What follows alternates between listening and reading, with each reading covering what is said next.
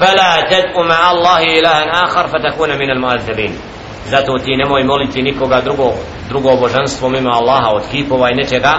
znači što nije dostojno ibadeta pa da bude od onih koji će biti kažnjen wa anzir ashirataka al-aqrabin i opomeni svoju bližu rodbinu ovim ajetom jelle ženu naređuje Muhammedu sallallahu alaihi ve sellem i stavlja u obavezu opomenu svoje bližnje rodbine. Tada je alaihi sallatu wasalam sakupio rodbinu izašao na Safa brdo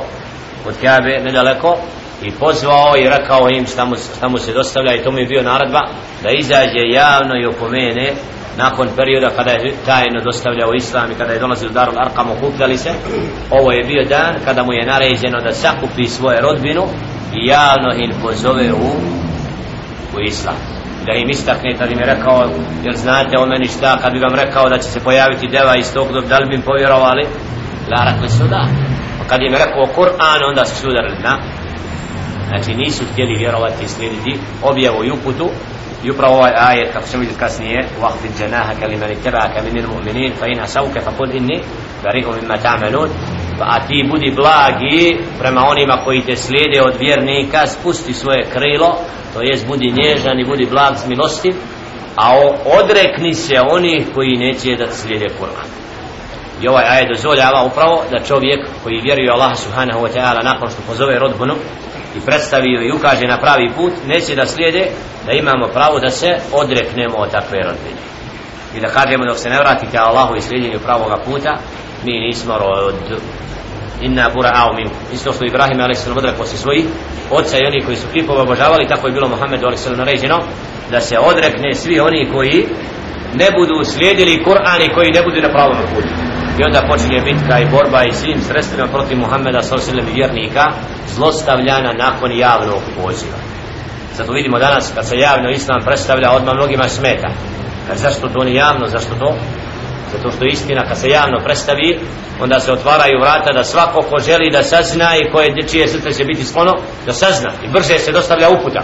Zato javni poziv je poseban stepen i drugi stepen znači u islamu nakon to čovjek bude dostavio vjeru sebi i drugome oko sebe od bližnji on, a islam se mora javno dostaviti treba sve učiniti zbog toga je džihad propisan ako neko sprečava davet da bude dostavljan da se mora spremiti vojska i da svakom se islam mora pojasniti a onda je na njemu hoće vjerovati ili molim Allah subhanahu wa ta'ala da spusti na uputi da inša Allah ta'ala budemo od onih koji slijede Kur'an i sunnet Muhammed a.s. da ovi ajete ovakve poruke učvrste imenu našim srcima da postanemo od onih koji će inša Allah ta'ala na govoru stvoritelja subhanahu wa ta'ala graditi svoj iman i vjerovanje i koji će inša Allah ta'ala uz Allah govor se družiti i biti od onih kojima će Kur'an inša Allah ta'ala biti prolic njihovi srca da Kur'an oživi naša srca sačuva zablude i da inša Allah ta'ala udalji nas od zablude jer onaj ko se sa Kur'anom druži Jelle še'nu kaže فإذا قرأت القرآن جعلنا بينك وبين الذين لا يؤمنون بالآخرة حجابا مستورا أقال تي قرآن učiš mi između tebe i oni koji ne vjeruju stavljamo zastor zato je Kur'an oružje i snaga u borbi protiv zablude i moramo se znači družiti sa Kur'anom moramo ga učiti i biti od onih koji ga uče svakodnevno jer to nam je zaštita od zablude na takav način Allah subhanahu wa ta'ala u našim srcima gradi čist iman, čisto vjerovanje, a šeitan bude ponižen i zato rob koji se druži sa Kur'anom, inša Allah, ta'ala, hajr s njim.